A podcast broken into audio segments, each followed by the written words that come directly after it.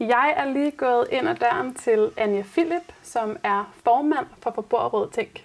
Hej Anja. Jamen, hej Sofie. Det var hyggeligt, du kiggede ind. Øhm, Anja, vi skal jo til at lave den her podcast-serie om økologi. Hvad tænker du egentlig er den største udfordring som forbruger, når man står i supermarkedet, og man gerne vil træffe et bæredygtigt valg? Og hvilken rolle har økologien i det valg? Jamen, altså, jeg tror, at de fleste har det ligesom mig, at man øh, står der og måske overordnet rigtig gerne vil gøre noget for klimaet, rigtig gerne vil være bæredygtig, og så står man der i en travl hverdag og øhm, med det ene produkt og det andet produkt, og hvilket et skal man så helt konkret lægge ned i indkøbskurven.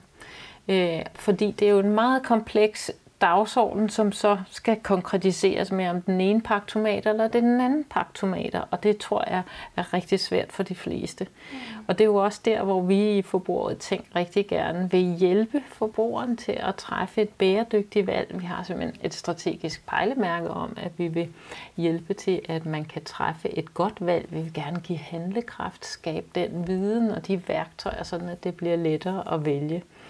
Øh, men det, det, det hører vi jo stadigvæk, og det synes jeg da også selv er svært, øh, fordi det er så komplekst, om den ene, det ene produkt er mere klimavenlig end det andet. Og så er det jo her, hvor øh, du spørger om økologien så øh, har betydning for det valg. Og der tror jeg, at øh, altså, de fleste er nok klar over efterhånden, at det her med at skære ned på kødforbruget, det er rigtig vigtigt for at gøre noget godt for klimaet, men hvad så med øget? Har det en, en rolle der? Ja, så det, det, det er de her komplekse spørgsmål, som, øh, som jeg tror, den enkelte har svært ved. Anja, hvad siger du så til, at øh, jeg måske går ud og øh, finder nogle mennesker, der kan hjælpe os med at blive klogere på de her spørgsmål? Øhm, økologiens rolle i det bæredygtige valg, og hvad vi som forbrugere skal gøre nede i supermarkedet, hvis vi er i tvivl? Skal jeg ikke gå ud og snakke med nogen, der kan hjælpe os? Det synes jeg er altid at idé, og det jeg øh, glæder mig til at høre, hvad du kommer tilbage med. Velkommen til Forbrugerrådet Tænks podcast Økologi Fordi. Mit navn er Sofie, jeg er studentermedarbejder hos Forbrugerrådet Tænk, er 28 år, og så er jeg vokset op med det økologiske valg som en selvfølge. Men hvordan hænger økologi egentlig sammen med hensyn til klima? Er økologi egentlig det bedste valg, eller er det nok bare at spise en masse grønt? Det har jeg sat mig for at blive klogere på, og jeg håber, du vil være med på rejsen. I dette afsnit har jeg mødt Mette Suskov, som er aktiv i den grønne studenterbevægelse, til en snak om, hvordan den grønne studenterbevægelse egentlig ser på økologiens rolle i klimakampen. Mette er vokset op i Vestjylland på en minkfarm, så landbrugslivet er slet ikke fjern for hende. Jeg møder Mette på en hyggelig café på Nørrebro, hun skal have en havrelatte, og jeg bestiller selvfølgelig det samme for at være med på klimabilet. Rigtig god fornøjelse. Interviewpersonernes udtalelser er et udtryk for deres egen holdning. Vil du ikke til en start med at fortælle lidt om, hvorfor du er gået ind i den grønne studenterbevægelse? Jo, det vil jeg meget gerne. Øh, jamen de sidste to år har jeg faktisk været med i den grønne studenterbevægelse og lavet forskellige slags politisk klimaaktivisme. Øhm, og jeg tror, det startede med, at jeg, jeg har egentlig altid været politisk interesseret og har tænkt, jeg skal lave politik på et eller andet tidspunkt i mit liv. Og så læste jeg nogle rapporter og begyndte på studier og tænkte, hvad foregår der med IPCC-rapporter og klimaforskning siger, at vi har måske 8-10 år til at forvente øh, vores CO2-udledninger og hvad i alverden foregår der, for det har vi slet ikke gang i endnu. Det er sådan noget, man tit snakker om i to klimakrise, at IPCC-rapporter er noget, vi, vi på en eller anden måde stiler efter at give til vores politikere og sige, hey, vi skal faktisk gøre noget, der står her. Og de kommer med en masse forslag til, hvordan man kan gøre det. Ja. Men de sidste to år har jeg lavet rigtig meget af klimaaktivisme. Ja. Og sådan særligt landbrug er spændende, synes jeg.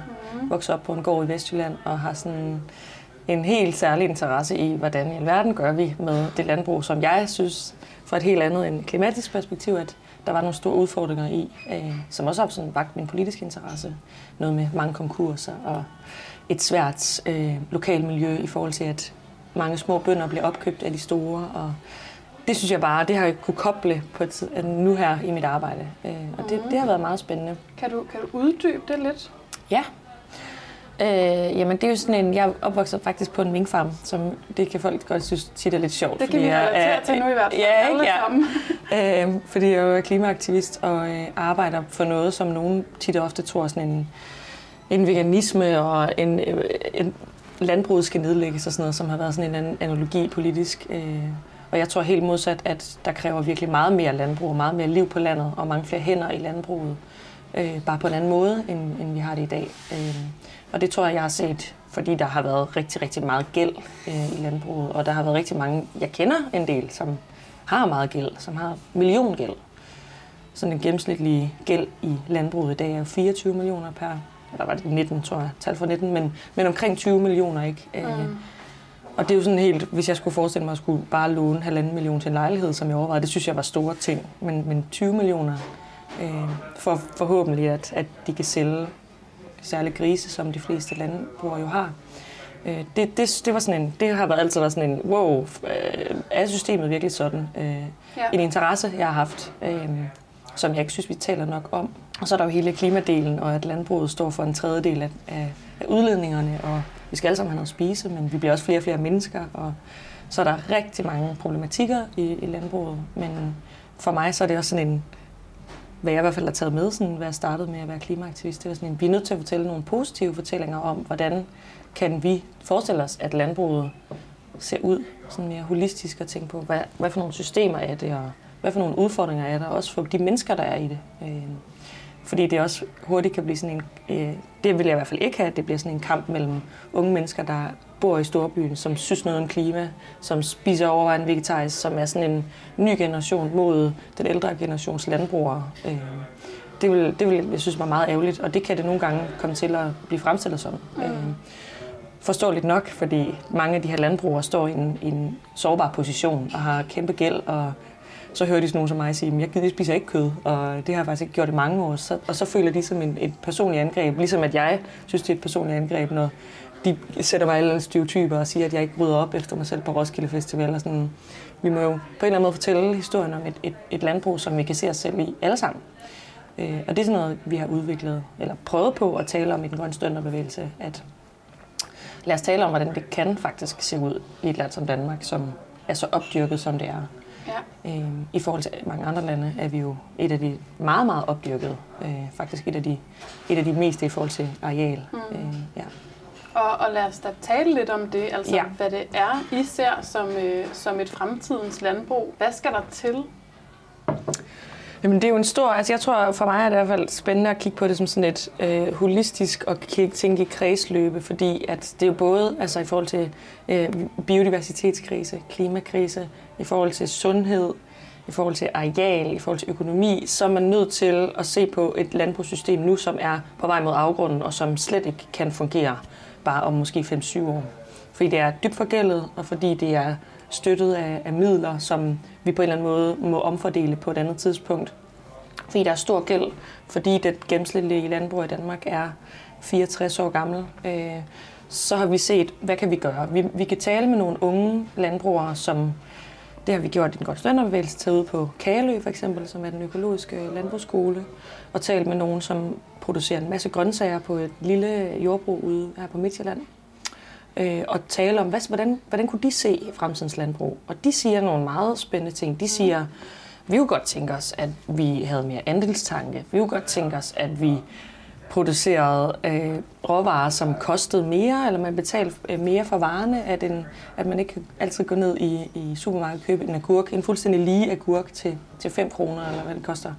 Øh, hvor de kan se, man går ud på mange kigger, at grøntsager er mangfoldige, og der er, at det er et udtryk for, at jorden, at jorden er blevet behandlet godt, så kommer der nogle fine grøntsager, mm. hvis man skal være sådan helt øh, følsom omkring det. Men, men jeg tror i hvert fald, at vi har talt meget om sådan det holistiske billede, og for mig at se, så er det vigtigste, at vi får gjort op med den store animalske produktion i Danmark.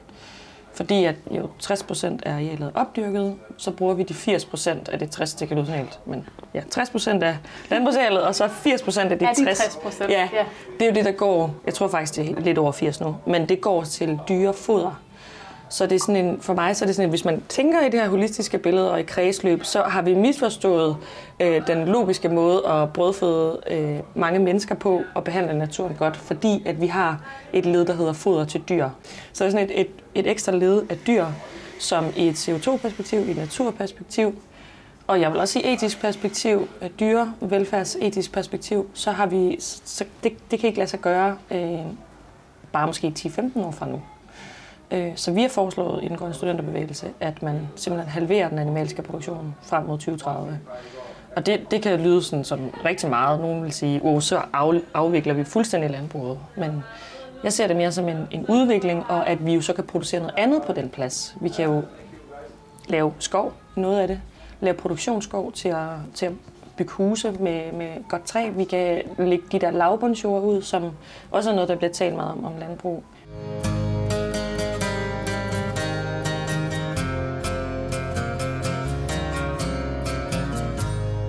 Handler om økonomi. Det handler om, at det, der er penge i nu, det er at, at lave stordrift og producere rigtig mange enheder. Øh, for eksempel med landbrugsstøtten er det lidt problematisk, som den bliver delt ud nu. Så jo flere hektar, den er hektarbaseret, så jo, jo mere jord du har, eller jo mere flere grise, eller hvor større areal du har, øh, jo mere støtte får du. Så hvis man er en lille grøntsagsproducent på Midtjylland, så kan man slet ikke få noget landbrugsstøtte faktisk, fordi det systemet indrettet efter øh, større bedre og mere per enhed. Og det kan man, hvis man skal være sådan helt kynisk, så kan man også se det på grisene. Ikke? Altså, grisene er blevet længere og større, og var sådan noget 30 år siden, så fik de måske 6 til 8, 10 øh, grislinger. Nu får de 22 i gennemsnit.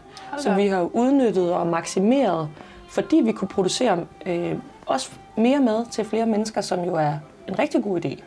Øh, men der er også nogle, nogle etiske ting og nogle, nogle store... Vi kan ikke, vi kan ikke blive ved, øh, for eksempel på Danmarks areal, med at, at udvide og maksimere og, og profitoptimere. Og der, er, der er en logisk grænse, øh, særligt når man kigger på også i forhold til CO2-udledningen, øh, mm. at den følger med. Ja, og ja. altså, nu har du snakket om det her med, at, at der er et eller andet rådent i systemet. Ja. Hvad, hvad kan man gøre? Hvad vil I foreslå, at man gør? Uha, der er jo mange ting, man kan gøre øh, fra politisk side. Altså, jeg tror virkelig, at man er nødt til at tage den her diskussion op om den animalske produktion. Altså, man er nødt til fra politisk side at sige, at vi har et problem med den store animalske produktion. FN siger det. Alle, der ved noget om øh, ernæring og om øh, klimaforandring, siger, at vi kan ikke blive ved med at producere så, mange, så meget kød. Og også hvis man skal tage Danmark som eksempel kun øh, herhjemme i forhold til landbrug, så er vi det mest kødspisende, eller i hvert fald et af de mest kødspisende og det mest kødproducerende land per indbygger. Så når vi taler om, at vi er et grønt forgangsland, og sådan nogle, øh, så har vi været, gjort det rigtig godt på, på nogle andre sektorer, men på landbruget, der er vi altså virkelig, øh, der, der sidder vi fast i et system, som ikke kan øh, hænge sammen med en grøn omstilling, for mig at se. Så fra politisk side kunne man gøre noget af det, vi snakkede om før, sørge for, at der bliver udtaget de her lavbundsjord. Man kan sørge for, at der bliver udtaget mere natur.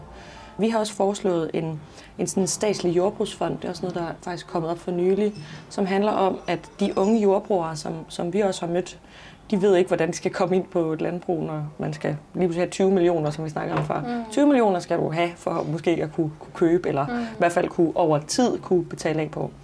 Øhm, så hvis man lavede sådan en statslig jordbrugsfond, så kunne staten opkøbe nogle jorder, og så kunne man lege de jorder for en periode, og så kunne man købe det ud på sigt. Øh, det vil være en mulighed for, at der kunne komme flere unge mennesker i landbruget.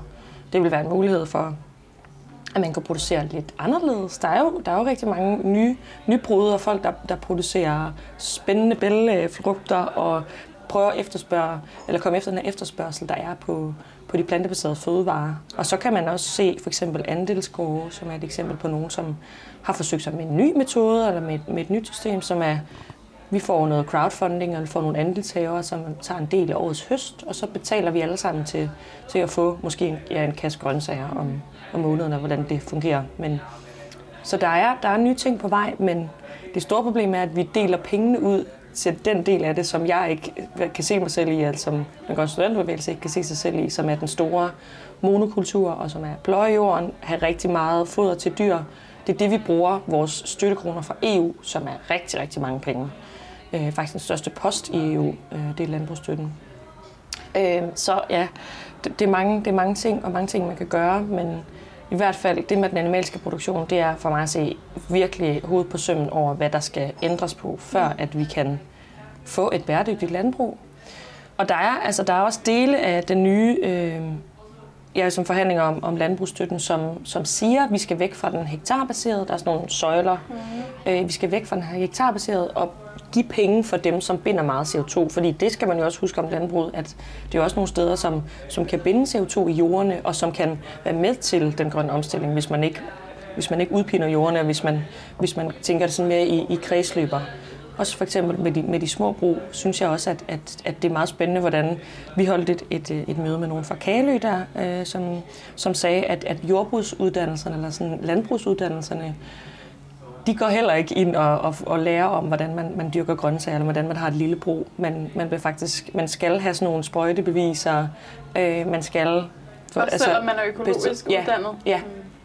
Der er rigtig mange spændende ting, som de siger. De kommer med sådan nogle konkrete bud på, hvordan kan vi ændre bekendtgørelserne, sådan at vi, måske ligesom i Holland, får optimeret, får lavet, der er sådan noget, masser af robotteknologi, der er små og der er store, og der er mellem øh, størrelser jordbrug. Og det tror jeg er sådan en, fordi det kan også nogle gange komme som en fordom, at nu vil vi også bare lukke alt det store. Og jeg tror egentlig, at stort kan være fint, hvis man nu på stor skala producerer noget skånsomt, eller på en, på en god måde. Der er også ny robotteknologi, som er sådan en måde, man kan vande og så på, som som er, er godt for jorden, fordi den ikke bliver komprimeret af, at der kører en stor traktor på den. Og der er rigtig meget spændende teknologi, som kommer i løbet af de næste mange år. Men hvis vi ikke i Danmark får omstillet, og de, de unge øh, jordbrugere og landbrugere, de bliver klar til, hvad er det for en, en type mad, de skal producere, så, øh, så er det svært. Og det, og det siger de også, at, at det er nemmere at være svinebunde, og det er også det, du bliver oplært i.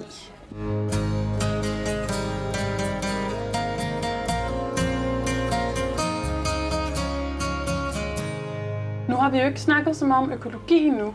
Øhm, mm. Har økologi en rolle i det her øh, fremtidens mm. landbrug? Jamen det tror jeg helt sikkert, det har. Så tror jeg, at vi har talt om sådan næsten at gå endnu længere og, og tale om, om hele kredsløbet og tale om regenerative praksiser, som er sådan et, et kredsløb, der er sluttet med næringsstofferne, som lige hele tiden bliver, bliver givet videre. Så jeg tror helt sikkert, økologi kan vi sagtens se er bedre, også for vandmiljøet og for, for nogle af de andre øh, ting, som det også er rundt omkring et landbrug. Så økologi er sådan en, en selvfølgelighed. Mange er jo også blevet økologer fra konventionelt, fordi de har tænkt, at der er større efterspørgsel, og danskerne vil rigtig gerne have flere øh, økologiske grøntsager og offentlige køkkener, der ligesom siger, at nu skal vi have så så meget økologisk, og EU siger, at så så meget skal være økologisk i vores øh, offentlige køkkener for eksempel. Så helt sikkert øh, økologi, men, men også et det er ikke nødvendigvis nok, at vi bare producerer økologisk. Det er måske det mere bagvedliggende, at vi skal producere mad, som mennesker kan spise. Vi, vi skal ikke producere mad til dyrene. Den store animalske produktion med svin og køer øh, er ikke øh, forenlig. Heller ikke, hvis det er økologisk. Der er simpelthen for meget CO2-udledning i det. Du sagde før, at øh, I ser meget gerne, at vi halverer mm. den animalske produktion. Øhm, vil du så mene, eller vil I mene, at den produktion, der så skal være, er den økologisk? Altså nu tror jeg, det har vi, vi har ikke faktisk ikke diskuteret det, men, men det tror jeg personligt, at jeg vil, altså, det vil jeg sige, eller det, det kunne man sagtens forestille sig. Øh, men også, at man, man måske tænker mere i regenerative praksiser, eller kigger lidt, lidt mere tilbage til, hvad, hvordan producerede vi tingene i, måske bare tilbage i 60'erne. Øh, for der optimerede vi heller ikke. Der, hvis dyrene blev syge, så var der nogle, nogle logiske konsekvenser på, hvordan det gik. Vi gav ikke antibiotika til vores svin hele tiden, og man havde øh, nogle dyr, så havde man en masse grøntsager, så havde man nogle, nogle forskellige enheder, fordi at man tilbage i 60'erne tænkte, det duer ikke at lægge alle mine, alle mine æg i en kurv. Jeg skal have noget forskelligt, for hvis det er en dårlig høst, hvis det lige pludselig bliver havl, og havren er helt øh, smadret i år, så er jeg nødt til at have noget andet. Og, og det er jo modsætningsfuldt til, hvad vi har i dag, fordi der har, alle har kun én ting, de fokuserer på øh, i landbruget. I hvert fald den største del af, af landbruget har jo nærmest kun svin, og så måske noget foder. Øh, fordi det også er nemmere i forhold til EU-støtte øh, at søge om at have ja, det ved jeg ikke, 2.000 svin, i stedet for at søge om alle mulige forskellige øh, slags kålformer og alle mulige forskellige grøntsager. Fordi det er rigtig bøvlet. Så det, det er systemet indrettet, så det er nemmere med, med én ting. Men det gør jo så også, at for eksempel hvis vi, hvis vi taler økologi, at man, der var flere processer i det, når man har flere forskellige øh, ting, man dyrker, øh, som er mere tænkt i kredsløb, og som også er mere skånsom både for dyrene og for miljøet, øh, og også er bedre. Jeg, jeg er helt sikker på, at det også er bedre råvarer, når vi ikke øh, optimerer. Og vi har haft en del snak i den grønne studenterbevægelse, også om GMO og Øh, også nogle af de her ting, som er, som er diskuteret i forhold til konventionel og økologi. Hvad, hvad giver bedst mening? Vi skal tilbage til nogle bæredygtige praksiser, hvor vi, vi stoler på, at jorden er, er god og sund, og hvis vi behandler jorden godt, så får vi også øh, noget tilbage. Øh, I stedet for hele tiden at optimere på, hvordan kan vi hvordan kan vi hele tiden gøre et eller andet, så det gror hurtigere og større og bedre. For eksempel i, i 60'erne, så havde man, vi havde 200.000 landbrug eller bedrifter. Øh, og nu har vi jo faktisk kun sådan noget omkring 30.000 tilbage. Så det er jo også sådan en, jeg tænker i hvert fald med sådan en økologisk tankegang, at, at, man, at man tænker over øh, miljøpåvirkning og, og mere skånsom, så, så er vi på vej et eller andet sted hen, hvor, hvor der kun er nogle kapitalfonde og nogle rigtig store øh, storbunder, som ejer øh, det meste af jorden i Danmark, og som ejer øh, en masse industriel øh, landbrug. Men sådan systemisk, så tror jeg, at vi skal, hvis vi skal nå øh, at gøre noget ved klimaforandringer øh, i min generation, så er vi nødt til at gå længere øh, og tænke mere i, i, i kredsløb og tænke mere i for eksempel kan man jo kigge til mange steder i verden, Indien for eksempel, som producerer på en helt anden måde. Og når man, når man i Danmark taler om, uh, vi har et af verdens bedste landbrug, så er, det jo, så er der mange, der vil, der vil, i hvert fald i de kredse, jeg kommer i, påpege, at der er mange steder i verden, hvor man producerer i småskala og producerer på den måde, som vi snakker om, er et godt sted at komme hen. Øh, så jeg tror, vi er råd for langt ud af en tangent, men vi skal i, i fællesskab med landbruget finde ud af, hvordan kan vi komme lidt tilbage igen mm. til at producere øh, Øh, mindre og bedre. Og så skal vi måske til at betale noget mere for vores fødevarer. Lad være med at smide en fjerdedel af det, vi producerer ud. Lad være med, at der skal, en agurk skal være fuldstændig lige. At, øh, at man ligesom... Vi er nødt til at ryste kurven, tror jeg, i, øh, i forhold til landbruget, fordi der er så mange problematikker i det. På en eller anden måde skal vi i hvert fald øh, virkelig tænke hele systemet på en ny måde. Jeg tror, hvis vi starter det sted, der hedder lav en plan for at få øh, halveret den animalske produktion, så sker alt det andet også. Så får vi, når vi vores miljøkrav, vores øh, ammoniak i, i vandløb, det kommer til at ske, fordi det er ligesom, den animalske produktion er det er ikke roden til alt ondt, men det er der, hvor alle de andre ting også kan komme med på. Det, det er der, problemet ligger. Så hvis man, hvis man kigger på det først, så tror jeg også, at det vil være nemmere for forbrugerne. Hvis vi også laver en ensartet CO2-afgift, kunne man også gøre et politisk tiltag, som er forureneren betaler princip, hvor man siger, hvis du har en udledning af en ting, du du køber, så skal du betale lidt mere for den. Det vil også gøre, at oksekød bliver dyrere, men at grøntsager bliver billigere i Danmark. Øh, og det tror jeg vil ændre rigtig meget, fordi det er også en diskussion af, hvordan gør vi en, laver vi en, en, en klima- og grøn omstilling, som er socialt bæredygtig, og som også gør, at der ikke er nogen, der bliver tabt i det, øh, som ikke har råd, eller som ikke har mulighed for at, at tage de klimavenlige valg. Hvis vi fra politisk side gør de klimavenlige valg til de billige, så vil det bare ske helt automatisk. Og nu sagde du før, at du ikke selv spiser kød. Nej, hvad, hvad gør du nede i supermarkedet? Og øh, køber du økologi? Øh, hvad køber du i stedet for kød? Jeg har ikke spist kød i mange år. Jeg spiser, spiser fisk en gang imellem, men, men vælger en masse grøntsager og køber øh, også overskudsgrøntsager. Kan også godt finde på at skralde, altså hoppe i en skraldespand øh, nogle steder på Nørrebro og kigge, om der er noget, øh, nogle fødevarer, som er fine nok.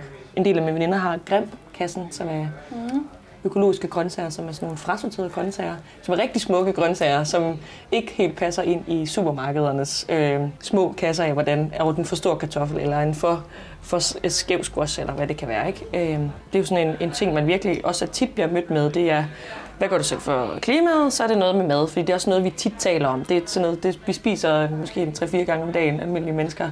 Så det er noget, der er i vores hverdag hele tiden. Mm. Hvor jeg måske synes, det var mere vigtigt at tale om at man ikke skal flyve måske, eller at man skal efterspørge, eller man skal stemme på nogen, eller man skal komme til en demonstration for klimaet, så handler det tit om, hvad man selv gør. Øh, men jeg kan godt lide at købe økologisk. Jeg er også studerende, så jeg, har, altså, jeg kan godt synes, at økologi er dyrt en gang imellem, men jeg, jeg, jeg vælger det altid til, øh, hvis jeg synes, det giver mening, og det, det er som regel. Øh, jeg synes, det giver rigtig god mening i forhold til den måde, der bruger pesticider og sådan noget. Jeg synes, nu har set de der tal om sådan swipet på Instagram, se hvor meget øh, pesticidrester, der er fundet i nogle stikprøver på ting. Det synes jeg er sådan lidt scary. Så. Er det inde på en af vores Ja, jeg har, kanaler? godt, jeg har godt set den der. Øh, jeg, jeg tænker, jeg lavet en rigtig fin Instagram-post. Ja.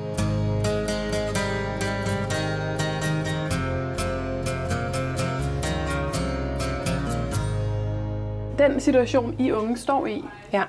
hvordan oplever du eller I den? Øhm, jeg tror helt personligt øh, har det været en, en frygt at havne i at være sådan en ung, som skal ud på ældre mennesker og øh, folk i min forældres generation for ikke at gøre noget. Øh, så det har jeg forsøgt at være, være påpasselig omkring ikke at sige for meget, at boomers er på en måde og udleder rigtig meget CO2. Og det har jeg forsøgt ikke at, ikke at havne i, men jeg kan jo også fornemme det på rigtig mange af mine venner i den grønstudenterbevægelse, at det nogle gange er svært at tale med vores forældre om det ansvar, som der på en eller anden måde historisk øh, er på, at man har udledt meget CO2 historisk, og at man i øh, økonomisk øh, opsving og sådan noget har, har udledt mere. Væksten hænger sammen med CO2-kurven og sådan noget. Øhm, så det er svært at tale med, med, med sine forældre om, i hvert fald for mig. Øh, jeg synes, det, det er svært at fortælle mine forældre, hvordan jeg øh, har det, og at jeg bruger al min, næsten alle mine vågne timer på at, at tænke på klima eller lave noget, øh, som er relateret dertil. Jeg tror også, de er bekymrede for klimaet. Jeg tror bare slet ikke, de er bekymrede i samme grad, som, som jeg er. Øh, og det er også fordi, vi har, altså, vi skal bo på kloden længere, øh, og bare om 20-30 år. Øh, og de sådan, klimatiske tipping points, som, som jeg læser rapporter om, de siger, det er rigtig, rigtig, rigtig, rigtig farlig situation, vi står i. Øh, og noget, der også har været vigtigt for mig at fortælle sådan, mine forældre i forhold til sådan en generationsting, at klimaforandringer er altså ikke noget, der kommer. Øh, det er i hvert fald ikke kun noget, der kommer. Det er også noget, der er der. Altså, den største årsag til, at folk flygter i dag, eller flytter området, hvor de bor, det er på grund af vejrforhold, det er på grund af klimatiske ændringer. Så det er sådan en, det fylder alt for mig, og alt hvad jeg tænker og, og, og gør, og, og de samtaler, jeg har, det, det kan jeg på en eller anden måde altid koble til, til klima, og det kan også være farligt at være, øh, man skal også slappe af nogle gange og huske at, at lade op om søndagen og sådan noget, men, men jeg og tror... her sidder vi på en søndag og Ja, om klima. ja, det er rigtigt. Men jeg tror, at mine forældre øh, ser det ikke. Altså, jeg tror også, der er sådan en, at det er Obama, der har sagt det, at øh, vi er den sidste generation, der kan nå at gøre noget ved klimaforandringer, og den første, der mærker det. Og vi, jeg synes også, altså, jeg mærker det. Øh, I form af at kigge til, til Afrika og de store øh, både problemer med, med, med vandmangel, og, og rigtig mange, der også bare dør af, allerede af hedeslag nu, fordi der bare er ja, temperaturstigning. Jeg kan huske i starten af, coronakrisen, der var der meget en... Øh, under det første pressemøde, der var sådan en, jeg kunne mærke, der var sådan en, en stress omkring sådan, åh oh, nej, nu skal vi virkelig omstille os, og åh, hvad, hvad gør vi? Og jeg var virkelig fortrøstningsfuld, fordi jeg tænkte, nu, nu kommer der en, øh, en, en krise, som vi virkelig handler resolut på. Der er politisk handlekraft, og vi skal hellere gå et skridt for langt end et for kort, og eksperterne siger, øh, så så meget smitte, derfor skal vi gøre sådan og sådan. Hvis man kan forestille sig, at der en gang om ugen blev holdt et, et klimapressemøde, hvor vi fortalte om, hvor mange arter, der er døde i løbet af ugen, eller fortæller om, hvordan det står til, øh, og siger, at eksperterne, klimaforskerne siger, at vi skal gøre øh, de her ting, og vi skal ikke gøre de her ting. Øh, det er også en helt hypotetisk situation, men jeg tror virkelig, at vi skal blive ved med at fortælle historien om, at øh, ikke unge mennesker nødvendigvis kun er bange, men vi ved også, hvad vi, kan, hvad vi selv kan gøre, og vi ved også, hvad vi skal presse på. Fordi det kræver, at der er et flertal på Christiansborg, der kan ændre på klimapolitik i Danmark og kan ændre på vores udledninger. Og som det er lige nu, så sidder i hvert fald særligt af Socialdemokratiet og, og kan godt holde lidt tilbage på den grønne omstilling, kan det virke til, fordi de er bekymret for, at der ikke er folkelig opbakning til det. Øh, og jeg tror bare, øh, sidste folketingsvalg i 19, hvor der var alle målinger sagde, det vigtigste dagsorden for alle danskere, over halvdelen af danskerne sagde klima og miljø som første prioritet, og så kom den faktisk på anden og tredje for, for mange af dem, som ikke havde den på øverste. Øh, så det er, jeg tror, det er et tegn på, at vi, vi er klar på, at der skal ske noget, men at vi også skal blive bedre til at tale om, hvad, hvad er det for nogle ting, vi, vi står overfor.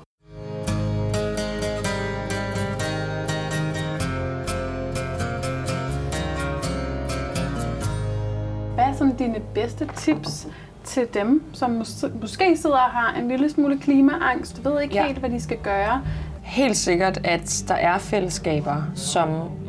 Altså, den grønne studenterbevægelse er virkelig et frirum for mig. Vi mødes nogle gange, nogle af os mødes flere gange i ugen, andre mødes bare en gang imellem hver anden mandag her i København. Der er også andre lokalafdelinger, hvor vi mødes og taler om forskellige ting. Der er både nogen, som læser jura, der er nogen, der læser geografi, der er nogen, der læser politik som mig. Der er også nogen, som er håndværkere, som er bekymrede, som gerne vil lave nogle praktiske opgaver. Jeg tror, at det vigtige for folk, der er bekymrede for fremtiden, det er at melde sig ind eller være med i et fællesskab, hvor man kan tale om de ting, man også er bange for. Fordi det er noget af det, vi gør meget øh, som, altså i klimaaktivismen. Vi taler om politisk på den ene side, hvad kan vi gøre, hvordan kan vi påvirke magthaverne, og hvordan kan vi øh, få en grøn omstilling. Men også på den anden side, hvad jeg er bekymret for. Hvordan, hvordan øh, ja, sådan noget, også sådan nogle helt personlige ting, som i, hvad for nogle, er du veganer, er du vegetar, er du, hvad, er du, hvad tænker du om det, og kan, kan udveksle nogle af de ting, sådan, og, og blive klogere på, hvad kan jeg egentlig selv gøre. Øh,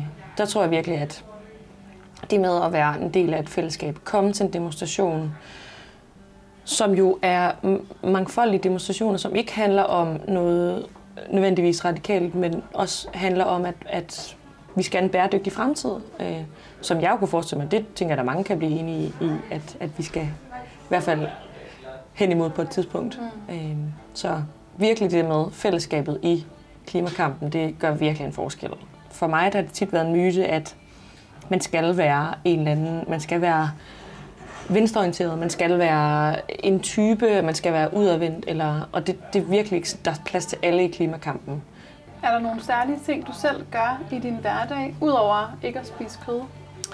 Øh, jamen altså, jeg, jeg køber øh, genbrugstøj og, øh, og tager cyklen og øh, øh, flyver ikke. Eller sådan, jeg har besluttet mig for, at jeg helst vil ikke vil flyve, indtil at der på en eller anden måde er, er sket noget på den front. Så jeg skal for eksempel på, på tur med mine veninder til til sommer.